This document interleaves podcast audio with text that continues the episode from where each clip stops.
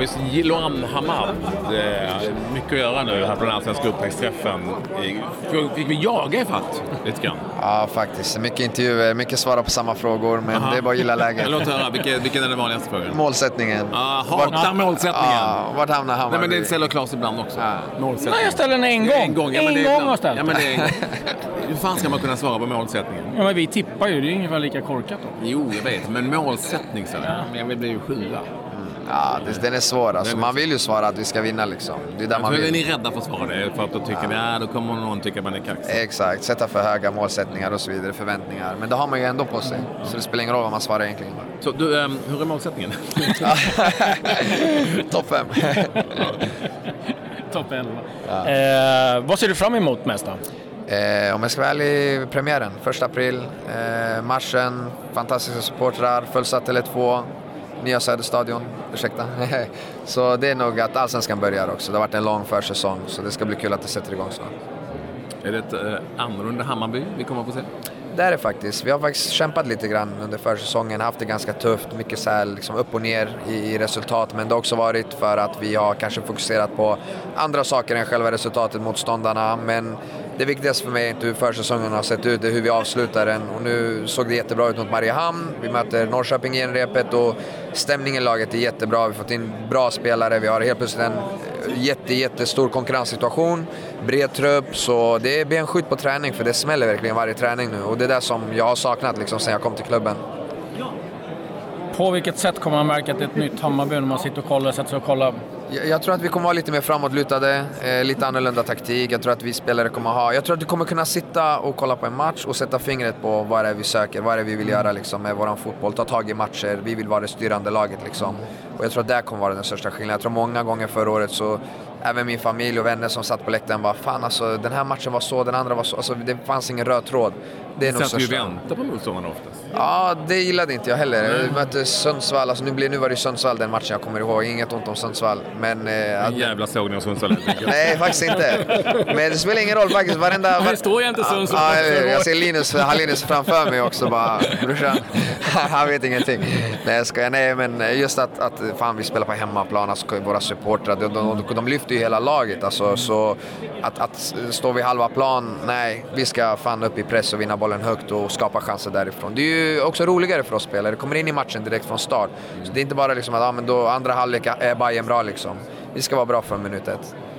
Man pratar ju ofta liksom om eh, olika kulturer, liksom att man eh, som är Malmö, där är en krav ja, på att vinna. Ja. Liksom vad känner du att börjar den smyga sig in lite grann i Hammarby också tycker du? Faktiskt, jag tror, jag tror att den har inte kanske varit där på grund av alltså, spelartruppen om jag ska vara ärlig. Nu, alltså, det har ju varit bra liksom, men jag tror att klubben har verkligen visat nu med den här transfern och även i somras att fan man vill någonting. Kolla på, på våra enskilda spelare, det är, det är liksom bra spelare på varje position nu. Så jag tror att det gör att publiken också kan ha förväntningar som, som är realistiska.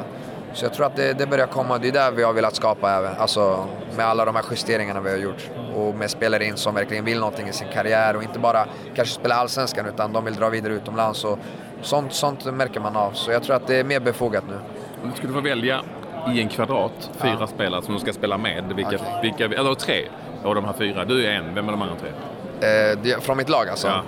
Eh, Erkan, för att han har varit med nu i början och han har faktiskt inte åkt in i mitten en enda gång. Nej. Eh, Fuskar va?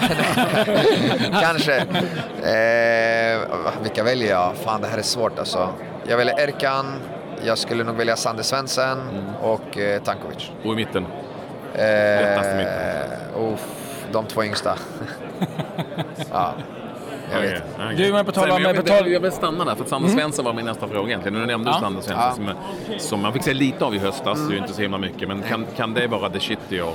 Ja, jag hoppas det. Alltså, jag tycker han var the shit eh, under mm. hösten också. Jag tror han var vår bästa spelare under hösten. Tog väldigt mycket poäng. Eh, sen som jag sa innan, det är konkurrenssituation nu. Nu mötte vi Mariehamn och han startade inte den matchen. Och det visar egentligen på vilken bredd vi har fått in nu i laget. Då var inte Zerka med på bänken. Mm. Men, men Sander kommer in och nickar in en balja liksom. Så Ja, Stefan har, kommer ha mycket gråa hårstrån efter den här säsongen. Du, eh, andra spelare som du tror kan blomma ut den här säsongen? Jag tror att Tankovic eh, var väl inte jättenöjd med, med, sin prestation förra året. Jag tror att han eh, kommer växa. Eh, han behövde matcher, han behövde en, en liksom grisig säsong. Han har sett väldigt bra ut under försäsongen, fått en bra roll där, där som tia som han lyckas alltid komma rättvänd och, och skapa oro bland motståndarna. Så jag tror att, eh, jag tror att Mojo med tanke på förra säsongen kommer, kommer göra ett positivt intryck. Sen har Imad Khalili sett fantastiskt bra ut under försäsongen. Han har, han har tagit en startplats som det ser ut just nu på högerkanten. Och han, har en, han har jättefina kvaliteter och det, han är väl den som de flesta aldrig ens hade räknat med. Ska få ihop det här också? Får ni det? Ja, det tror jag. Det, som jag sa, alltså, vi, vi vet nu alltså, tydligt vad det är vi ska göra. Nu är det egentligen inte så mycket mer upp till tränarna utan nu är det upp till oss att prestera och leverera. Och ja, det, det är upp till oss. Det finns inga ursäkter Du vet, det kan inte alltid vara tränarens fel. Det får man ju aldrig glömma. Ja, exakt. Så jag ser det. Det är upp till oss spelare. Vi måste verkligen steppa upp nu. Och det känns som att vi alla är villiga att ta jobbet och vi är redo. Vi kommer vara redo. Vad blir viktigast för er för att det ska gå bra då? Jag tror du skulle fråga, vad blir tabellplaceringen? Målsättningen. Nej, men det är just att, att Stefan har, och det är därför jag verkligen vill berömma Stefan, det är just det här med konkurrenssituationen. Att många tränare, många spelare känner så här, fan det spelar ingen roll hur bra jag än tränar så kommer inte jag få spela för att han har antingen sina favoriter eller någon spelare har kommit, alltså värvning som kostar mycket pengar, sitter på en hög lön, då spelar de. Nej. Men Stefan är verkligen så här, tränar du bra, presterar du bra när du får chansen, då kommer du starta matcher. Imad är ett exempel på det till exempel. Han var helt uträknad och lyckas ta sig in. Och det skapar en signal till hela omklädningsrummet, till hela laget, som många tränare kanske missar.